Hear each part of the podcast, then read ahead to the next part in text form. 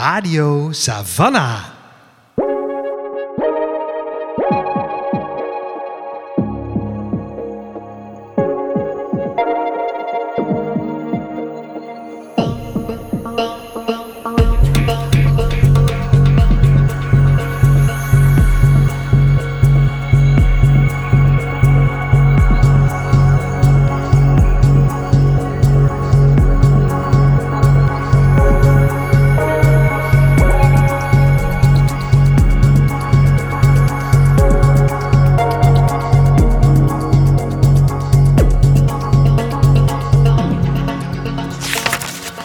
Allemaal en welkom bij een nieuwe aflevering van Radio Savannah, de podcast van Boekhandel Savannah B.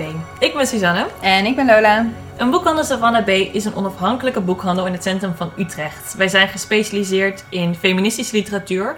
Voor ons wil dat zoveel zeggen als literatuur op het snijvlak van gender, klimaat, decolonisatie en queerness. Eh, en in deze podcast bespreken wij in elke aflevering een boek waarvan wij vinden dat het eh, in de spotlight hoort te staan.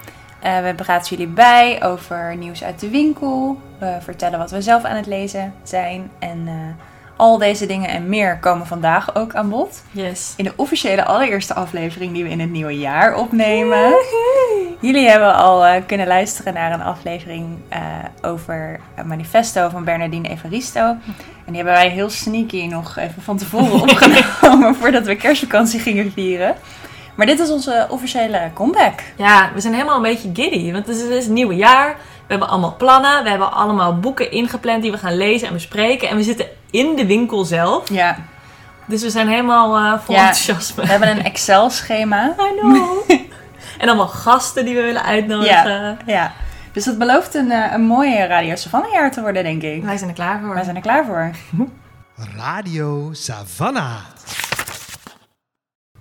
Nou, nieuw jaar is begonnen en eh, wij zijn super blij dat we weer lekker in de winkel zitten op te nemen. Maar überhaupt dat de winkel weer open is. Ja. Er is veel gebeurd sinds de laatste keer dat we opnamen. We waren eerst helemaal gesloten. Toen zouden we gedeeltelijk open gaan op afspraak. En toen bleek dat we gewoon weer open konden helemaal. Dus we hebben een hele rollercoaster van emoties en beleidsplannen en memo's en notes eh, gehad. Maar we zijn lekker open. Dus je kan lekker langskomen, snuffelen, kletsen, boekadvies vragen. Ja. Dus wij zijn helemaal excited. Neem je, neem je mondkapje mee en je goede zin en dan eh, komt het helemaal goed. Yes, ja. En als je dan in de winkel bent, kan je bijvoorbeeld lekker komen snuffelen door onze uitverkoop. Ja. Traditioneel altijd doen we natuurlijk de inventarisatie op 1 januari. Hebben we nu ook gedaan. En dan komen de boeken in de uitverkoop. En is, de uitverkoop is altijd met name deze tijd van het jaar echt heel erg de moeite waard. Want er liggen dus boeken in de uitverkoop waarvan je denkt, is dit alweer in de uitverkoop? Waarom is dit niet meer volle prijs? Dus eh, die liggen mooi uitgestapeld op onze grote leestafel, als je de winkel kent. Eh, lekker in snuffelen, lekker pareltjes uitvinden. Ja. Boeken pakken waarvan je anders dacht van, zal ik hem wel, zal ik hem niet? Nou, weet je wat? Doe hem wel. Ja. ja, en het is eh, nog veel. Ja, Dus er is echt nog genoeg te kiezen. Ja. Check it out. Ja, normaal gesproken hebben we natuurlijk ook een soort feestelijke opening van de uitverkoop. Nou, daar was het nog niet echt coronatechnisch tijd voor. Nee, daar waren we nog niet klaar voor. Nee, normaal gesproken beginnen we met een mooie poëziedag. En een, ehm, dan is de run op de uitverkoop de eerste paar dagen natuurlijk gelijk groot. Eh, dat hebben we nu niet gehad. Dus eh, ja, doe je voordeel mee, zou ik zeggen. Ik ga zo ook nog even kijken. Ja. Ik nog niet, eh, nog niet begonnen. Ehm, we hebben nog een kleine erfenis van vorig jaar. Eh, in 2021 hadden we aan het einde van het jaar onze Light a Fire actie. Daar hebben we jullie uitgebreid over eh, bijgepraat destijds. En een van de onderdelen daarvan was dat je als Savannah B fan een vurige leestip mocht Mhm. insturen. Dus wat voor jou het, het meest, eh, nou ja, het boek was wat in 2021 het, het lichtje in jou aanstak, Mhm. kon je met ons delen. En dat hebben jullie in grote getalen gedaan, waarvoor dank. En ehm, de winnaar van die actie is inmiddels bekend. Dat is, we gaan eh, deze winnaar toch eventjes de credit Zeker. geven die, eh, die hen toekomt. En dat is Willemijn Pfeiffer. En eh, Willemijn Mhm. tipte een, een tip die ik deel met haar. Ja. Namelijk, in lichtjaren heeft niemand haast van Marjolein van Heemstra. Willemijn zegt daarover het volgende. In lichtjaren heeft niemand haast is een prachtig verteld boek over het heelal en onze relatie daartoe. Van Heemstra neemt je mee in haar zoektocht, waardoor ze op heel natuurlijke wijze je interesse aanwakkert. Met een prachtige passage over een donkere zoektocht naar vuurvliegjes in het Noorderpark in Amsterdam. Ja. Nou, als dat geen vuurtje aansteekt. Nou, het is wel echt toevallig, want dit is dus jouw boek van het jaar die jij tipte in onze december aflevering. En de, moet je even zeggen, Lola en ik kiezen niet de winnaar van deze Nee. actie. Dit is puur toeval, maar wel gewoon even double down dat dit boek gewoon wel heel erg de moeite waard is. Eh, dus dat is misschien voor jou ook een mooie tip. Maar Ja. het was heel leuk om al die tips binnen te krijgen. Om, wij zijn natuurlijk altijd heel snel om onze eigen tips te geven in de podcast, maar ook in de winkel. We hebben allemaal ideeën over wat belangrijke en mooie boeken zijn. En het was super leuk om terug te horen van jullie allemaal.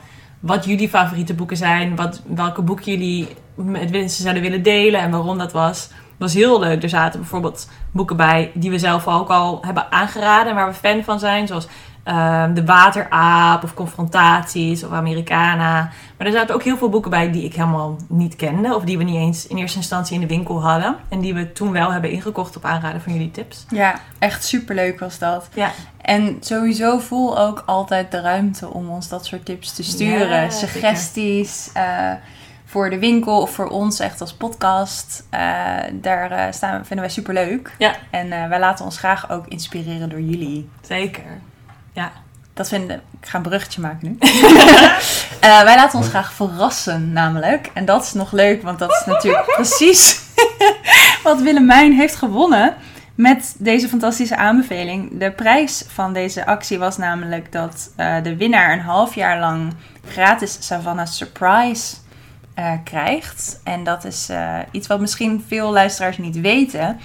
Dat eh, de Savannah B een eh, abonnement heeft wat je kunt afsluiten. Dat heet Savannah Surprise. En dan krijg je elke maand een boek thuis bezorgd dat het team van Savannah B uitkiest op basis van jouw leesvoorkeuren. Dus je Ja. smaak, je dingen waar je juist niet over wil lezen, juist wel. En eh, dan gaan de experts hier aan de slag om een, het perfecte boek voor je uit te zoeken. Ja.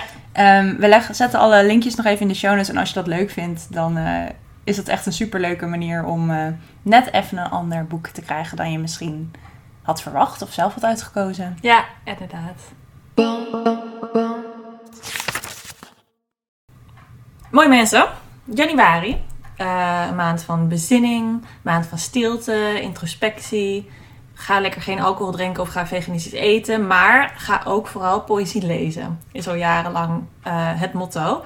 Ehm, wij kicken onze ehm, nieuwe jaar vaak af met een poëziedag. Dat ging nu even niet door. Maar we doen wel natuurlijk met hart en ziel mee met de Poëzieweek van 2022. Die is dit jaar van 27 januari tot en met 2 februari. Het is eh, een eh, bijzondere editie. Het is namelijk de tiende editie en het thema is natuur. En het heeft als motto de woorden bloesemingen en overvloed. En als je denkt, goh, dat is een mooie poëtische invulling van natuur.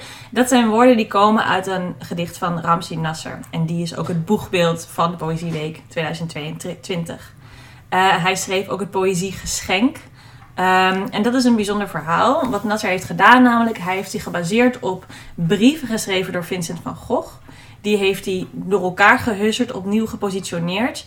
En die vertellen nu in een aantal gedichten samen gebundeld ehm, het verlangen van de mens naar de natuur. En om je te verliezen in de natuur.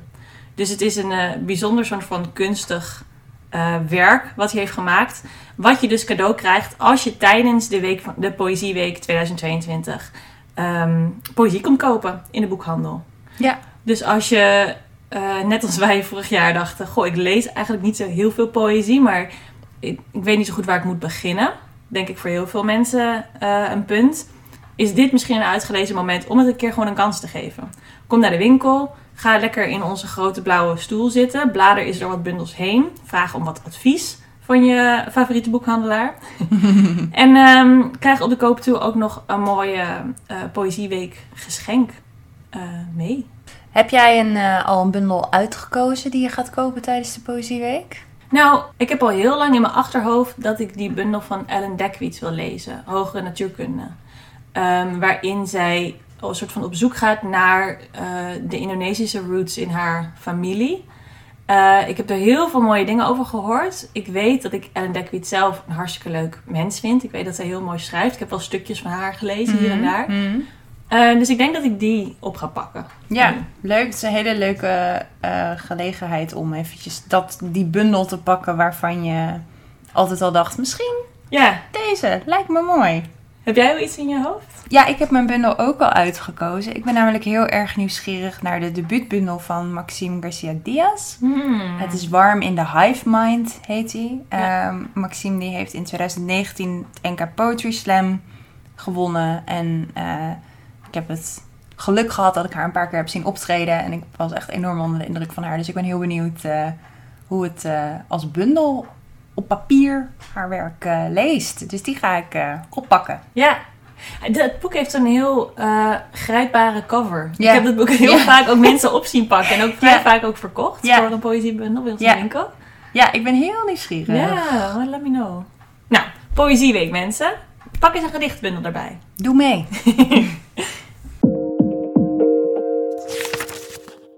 Ehm, zoals altijd in ons boekenplankje delen we eh, de boeken van de maand van Savannah B. Dat zijn de boeken die door de winkel, de mensen in de winkel, eh, worden uitgekozen voor een extra spotlight.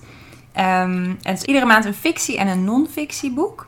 Ehm, en deze maand is het, eh, de eer van het fictieboek van de maand januari 2022 gaat naar Naar het Paradijs van Hanya Yanagihara. Eh, mocht je denken, die naam komt mij bekend voor, dat kan kloppen. In 2015 schreef zij, verscheen van haar hand het boek Een Klein Leven. eh, wat echt een monsterhit werd en door enorm veel Mm. mensen is gelezen. En in- echt een, een, een bestseller. 300.000 exemplaren verkocht. Al dus de sticker op eh, Naar het Paradijs is ook bewerkt tot een toneelstuk. Een heel ding. Ehm, en dit is haar vervolg. Naar het Paradijs dus. Een eh, roman die gaat over drie verschillende versies van Amerika. Verdeeld over drie eeuwen. Dus eh, deel 1 speelt zich af in 1893. Deel 2 in 1993. En deel 3 in 2093. Ehm, en dat is natuurlijk een heel spannend gegeven. Het is een soort alternatieve geschiedenis. En daarmee ook een, alternat ja, een onmogelijke toekomst. Dus het heeft Mhm. iets science fictionies. Ja. eh, wat wel heel spannend is. En ehm, in elk ehm, deel volg je een aantal personages die op zoek zijn naar de liefde. Die eh, nou ja, hun weg proberen te vinden in hun maatschappij. En eh, ja, zichzelf staande proberen te houden eigenlijk tegen allerlei structuren en machten. Ja, Dus het is heel, eh, een heel groots boek. ja. Heel meeslepend.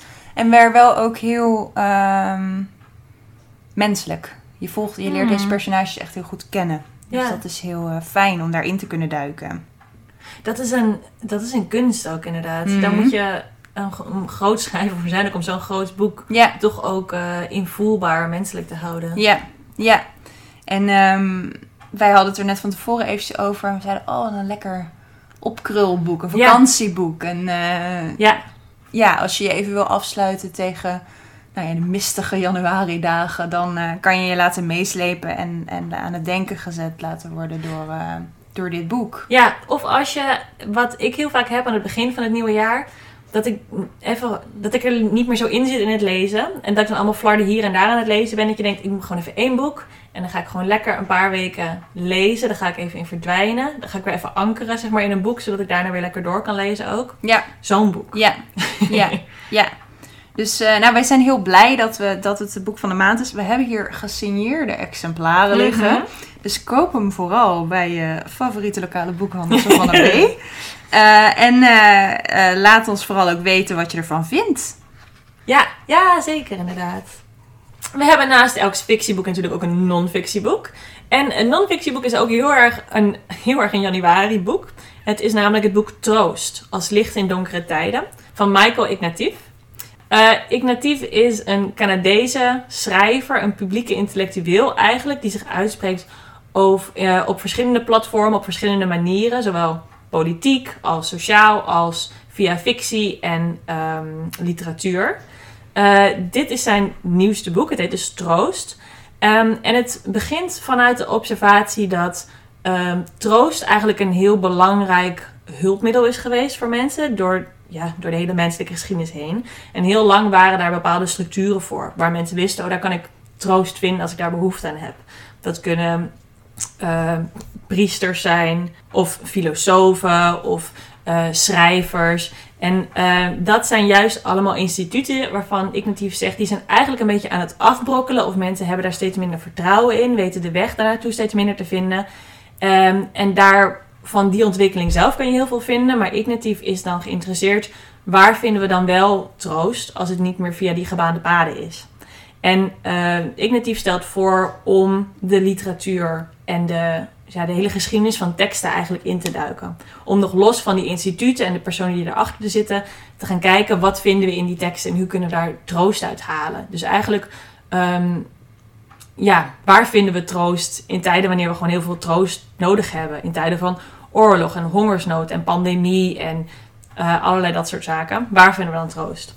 En uh, Ignatief gooit een, een breed net uit. Dus het gaat echt van uh, Dante naar de montagne, naar, terug naar de Bijbel via Marcus Aurelius, maar ook naar Karl Marx, Abraham Lincoln.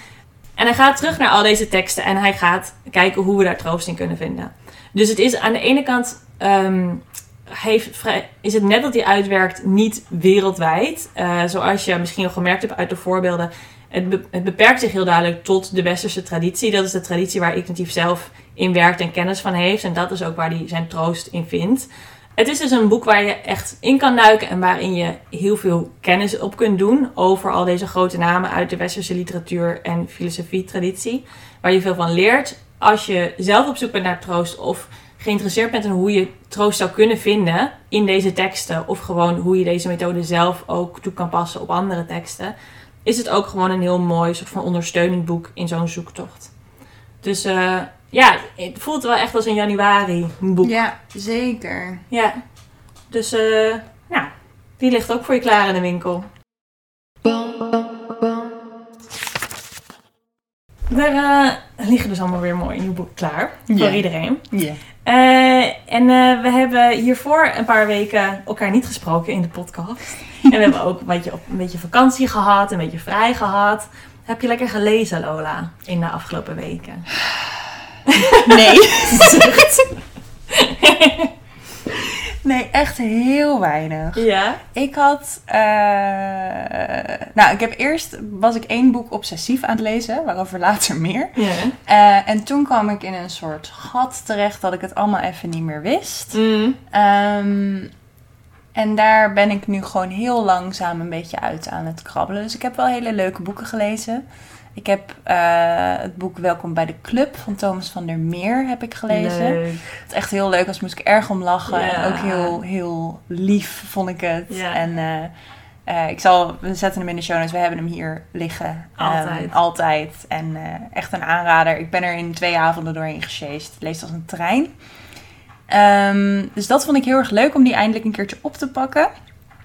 Ehm, en ik las ook nog De Hemel is altijd paars van Oh ja. En daar was ik eigenlijk ook wel van onder de indruk. Mhm. Dat, was, zij is, eh, dat boek is vorig jaar uitgekomen en zij is een van de literaire talenten waar die gewoon heel erg eh, succesvol is en heel veelbelovend, Mhm. veelbelovende nieuwe stem in de, in de Nederlandse literaire wereld.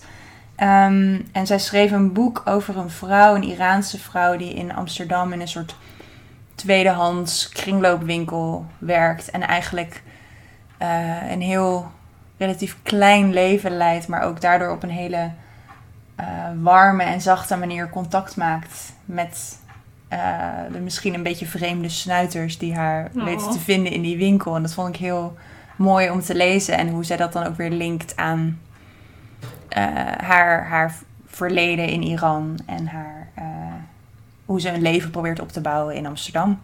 Dus ik was er wel echt van onder de indruk. Leuk, lekker. Ja. Ja. Dus dat, eh, dat ja, het is een. eh, ik heb denk ik zoveel gelezen in 2020, twee- 2021 dat ik even een, eh, een beetje een kater had of zo. Ja. Maar dat was ook niet erg. Nee. Nou ja, wel wat lekkere boeken toch ertussen. Zeker, zeker. Ja. Je hoeft ook niet altijd zoveel te lezen. Nee, je hoeft ook niet. Als je dat niet wil. Ik had lockdown blues, jongens. Oh nee. Ik had lockdown blues en toen ging ik even niet zoveel lezen. Maar nu ben ik er wel weer uit. Wil je de mensen ook vertellen wat je wel hebt gedaan in je lockdown blues? Dat komt nog wel. Volgende week to be continued, to be continued, ja. Wat Ja. heb jij gelezen, Suus? Heb jij überhaupt gelezen? Ja, ik heb wel gelezen. Eh, ik heb wel hetzelfde als jij. En ik heb het vaak aan het einde van het jaar. Want dan is het net allemaal... Bij mij, ja, bij mij is het dan omdat ik op de universiteit werk. Dan de laatste weken van het jaar zijn altijd alleen maar stressen, stressen, alles afmaken. En tegelijkertijd proberen al je nakijkwerk al af te hebben. Dus ik ben alleen maar naar bladzijden aan het kijken. En proberen slimme dingen op te schrijven. Zo snel mogelijk dat het af is voor de kerst. En als het dan kerst is, dan wil ik alleen maar in de verte staren. dus traditioneel gezien lees ik niet zo heel veel in de kerstvakantie. Maar ik heb wel. ehm ja, ligt eraan wat je onder lezen verstaat. Nee, dat is niet eerlijk. Ik heb lekker allemaal een beetje toegankelijke boeken gelezen. Dus ik heb een hele aantal thrillers weggewerkt. En dat was heerlijk. Er zaten heel veel hele fijne tussen. Eh, niks wereldschokkends, maar zo heel lekker in de verte staren, in je boek staren, in de verte staren. En dan er doorheen komen. En ik heb lekker een aantal kinderboeken gelezen. Die ik al op mijn plankje had liggen. Dus ik heb eh, de verzameling kinderverhalen van Clarice Lispector gelezen. De Braziliaanse schrijfster. Dat was super leuk. Ik had nog wat boeken van Jason Reynolds liggen. Die heb ik gelezen. Dat was ook heel indrukwekkend. Eh, ik ben Els Pelgrom heb ik weer opgepakt. Mm. Dus er waren, het was wel allemaal ehm, leuke boeken, maar dus wel minder eh, boeken die minder langdurige engagement zeg Ja. maar, vragen. Ja, ja. Ja, dus ik ben ook nu net weer, eh, ja, daar weer een beetje van aan terugkomen. Gewoon Ja. even lekker committen met boeken. ja, precies. Nou, op een gegeven moment heb je daar dan ook alweer zin in, hè? Om er wel weer eventjes eh, ergens je tanden in te zetten. Ja, Ja. inderdaad. Dat je denkt, nu mag iets me weer gewoon grijpen, dat ik eh, ergens langer in weg kan dromen. Ja. Ja. Want jij hebt in ieder geval wel één boek gehad de afgelopen weken waar je helemaal eh, in bent gedoken. Ja, ja ik had. ehm, ehm, ik heb elk jaar één leesdoel en dat is een klassieker lezen. Mag zijn wat, als ik het maar leuk vind, zeg maar. En als ik vind dat het een klassieker is. Mhm. En in 2021 was dat Jane Eyre. En daar was ik op een gegeven moment mee begonnen. En toen dacht ik, nou, dit... pff, pff, ingewikkeld. en, eh, maar op een gegeven moment werd, was het jaar wel zo goed als afgelopen. Toen dacht Mm. ik, ja, nu moet, ik- ik moet toch aan de bak met Jane Eyre. Ehm, en nou, toen kwam ik er dus achter. Jane Eyre is echt een superleuk boek. Ja, Ehm, superleuk boek. En heel eh, toegankelijk. Spannend. Heel spannend. Ik dacht dus, oké, even Ja. Ik dacht dus, ik vind het niet zo'n spannend boek, want het is best wel oud en ik weet wat er gebeurt. Ik weet Ja. wat het plot van Jane Eyre is. Ik weet eh, wie er vers- ver- verstopt, nee, hoe zeg je dat? Opgesloten zit eh, op zolder. Mhm. Maar het was spannend. Ja. Oh, allemaal geluiden in dat huis. Ja. Ik dacht, "Oeh." En op een gegeven moment komt dan de ontknoping. Nou, ik moest echt doorlezen. Ja. Ehm, dus ik was daar echt super van, van onder de indruk. En ik had er ook wel heel veel meningen over. En een beetje behoefte aan wat duiding af en toe. Ehm, dus ik heb tegelijkertijd, terwijl ik aan het lezen was, geluisterd naar een podcast die heet Hot and Bothered. Ik zet hem in de show notes. En die hadden een, hebben een heel seizoen gemaakt over Jane Eyre. Het heet On Air. Hm. Is leuk, is een woordgrapje. en, eh, en zij, eh, het waren twee, twee hosts, die bespraken dan iedere week een hoofdstuk en, eh, of meerdere hoofdstukken. En in sommige gevallen deden ze echt twee hoofdstukken. Of bijvoorbeeld over de, eh, het lot van het personage Bertha Mason. Daar hebben ze echt een hele af- aflevering aan gewijd. En hun eh, leidvraag was eigenlijk... ehm, is Jane Eyre nog een klassieker die we aan onze jonge vrouwen Mm. moeten geven? Dus eh, in hun geval ging het om een stiefdochter, geloof ik, of zo. En zij hadden het allebei als, als tiener gelezen. En is, van, is dit iets wat we door willen geven? Een traditie die we door willen geven? En dat is eigenlijk wel een hele interessante vraag natuurlijk om over na te denken. Sowieso met alle, alle klassiekers.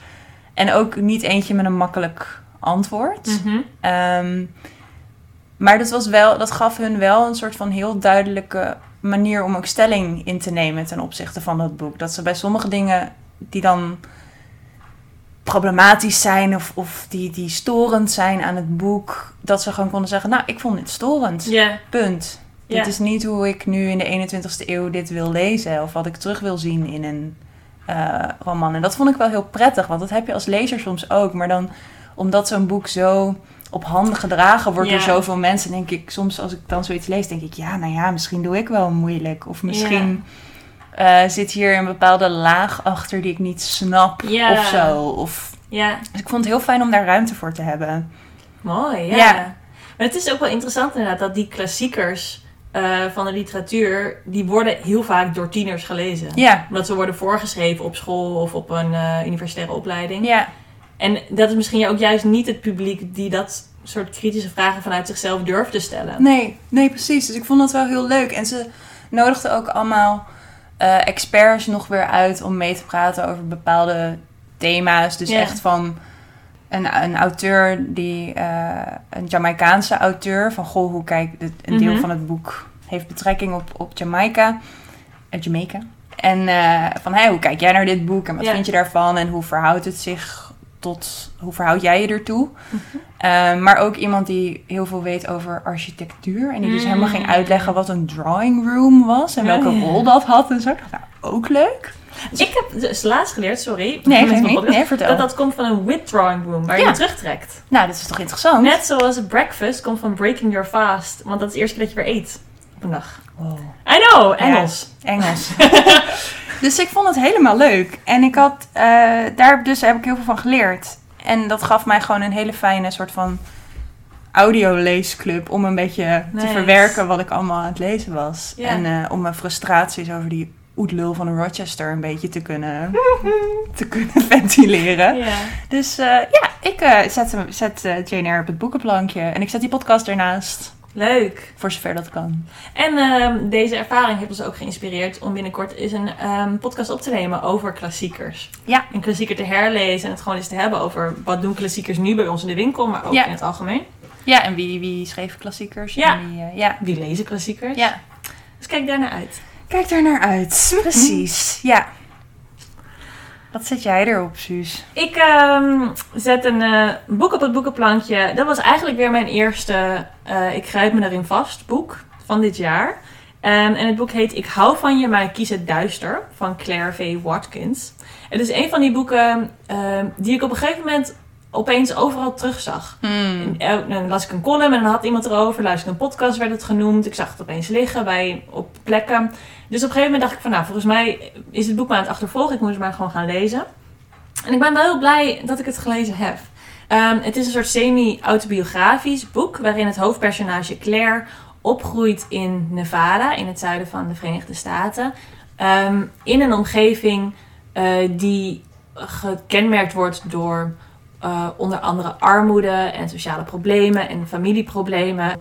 Eh, er is veel sprake van eh, verslaving aan verschillende soorten middelen en gokken en veel geldproblemen.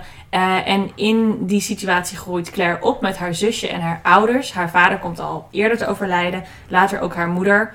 En terwijl haar zusje terechtkomt in ehm, een soort willekeurig baantje in Las Vegas, vlakbij waar zij dus zijn opgegroeid, eh, gaat Claire, komt via allerlei ehm, wegen terecht op een universiteit. Zij haalt haar diploma's, zij komt te werk als eh, creative writing docent. Zij trouwt, zij krijgt op een gegeven moment een kind.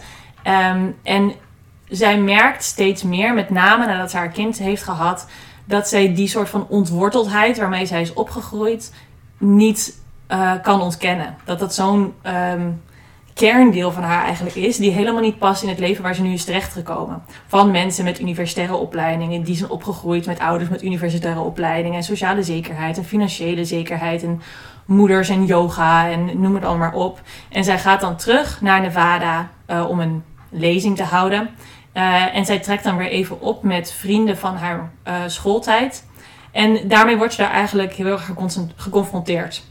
Waar ze vandaan komt, wie ze nu is. Het afscheid met allebei haar ouders, die ze nooit helemaal heeft kunnen verwerken. Die relatie met haar gezin, die altijd heel ja, lastig is geweest. Die een groot deel van haar is.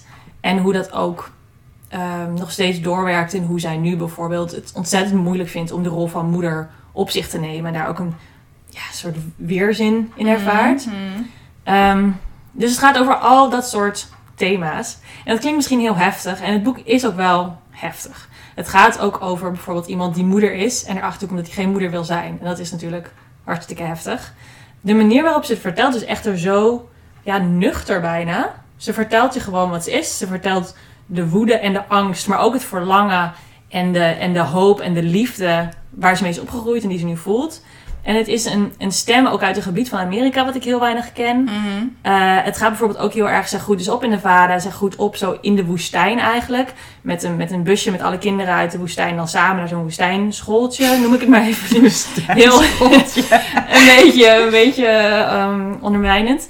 Ehm, maar bijvoorbeeld ook wat het dan betekent om op grond te wonen waar de oorspronkelijke bewoners eh, nog steeds wonen, maar waarvan de rechten zijn afgenomen. En zij groeit daarop niet per se met andere financiële middelen, maar wel een andere relatie tot die grond en tot ook de verschillende gemeenschappen die daar eh, wel of niet erkend wonen.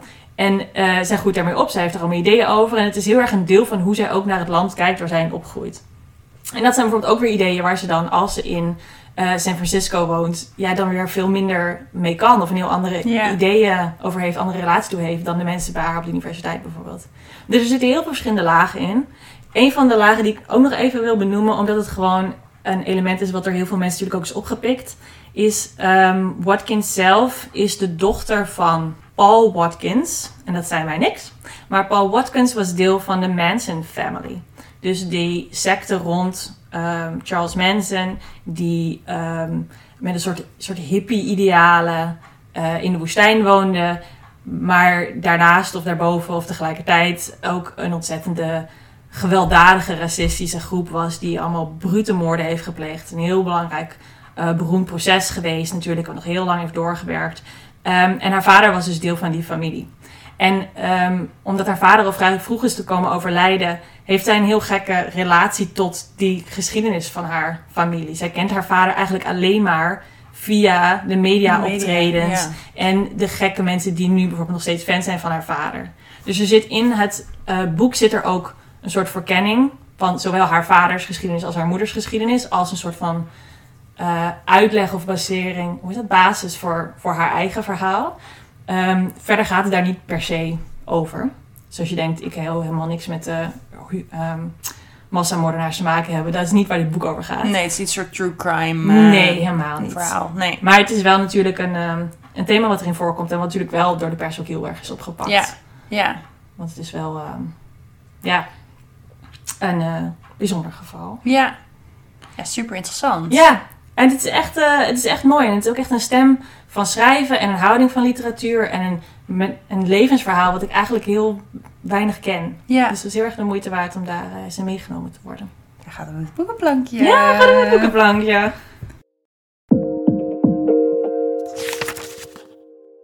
Met ehm, deze denderende aanbevelingen ehm, zijn we aan het einde gekomen van deze aflevering van Radio Savannah. Van het boekenplankje. Ehm, voordat we eh, jullie uit gaan zwaaien, nog even een kleine huishoudelijke mededeling. Mhm. Eh, wij hebben namelijk even eh, diep nagedacht over, over deze podcast en wat we er allemaal mee willen. En ehm, een van de dingen die we gaan doen komend jaar vanaf februari is dat we niet is dat we elke week een nieuwe aflevering publiceren. Mhm. Woehoe, exciting.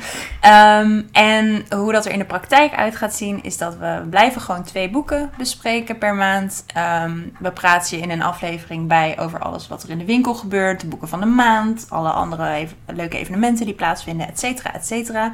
En we maken een hele losse aflevering over, de boek, over het boekenplankje en over wat wij daar opzetten. Dus dan krijg je nog meer inzicht in wat wij allemaal lezen, wat we aanbevelen. Eh, misschien doen we dan wel twee of drie boeken per keer in plaats Mhm. van eentje op het plankje. Wordt het een heel vol plankje. Mhm. Who knows?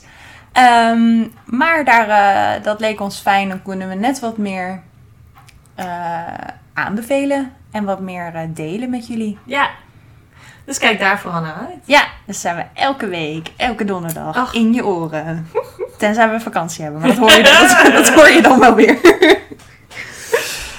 Nou, bij deze vooruitblikken sluiten we af. Maar natuurlijk niet voordat wij Groeflux hebben bedankt dat wij een gedeelte uit zijn nummer mogen gebruiken eh, voor onze intro en outro muziek. En Rieke Blom voor het maken van ons logo.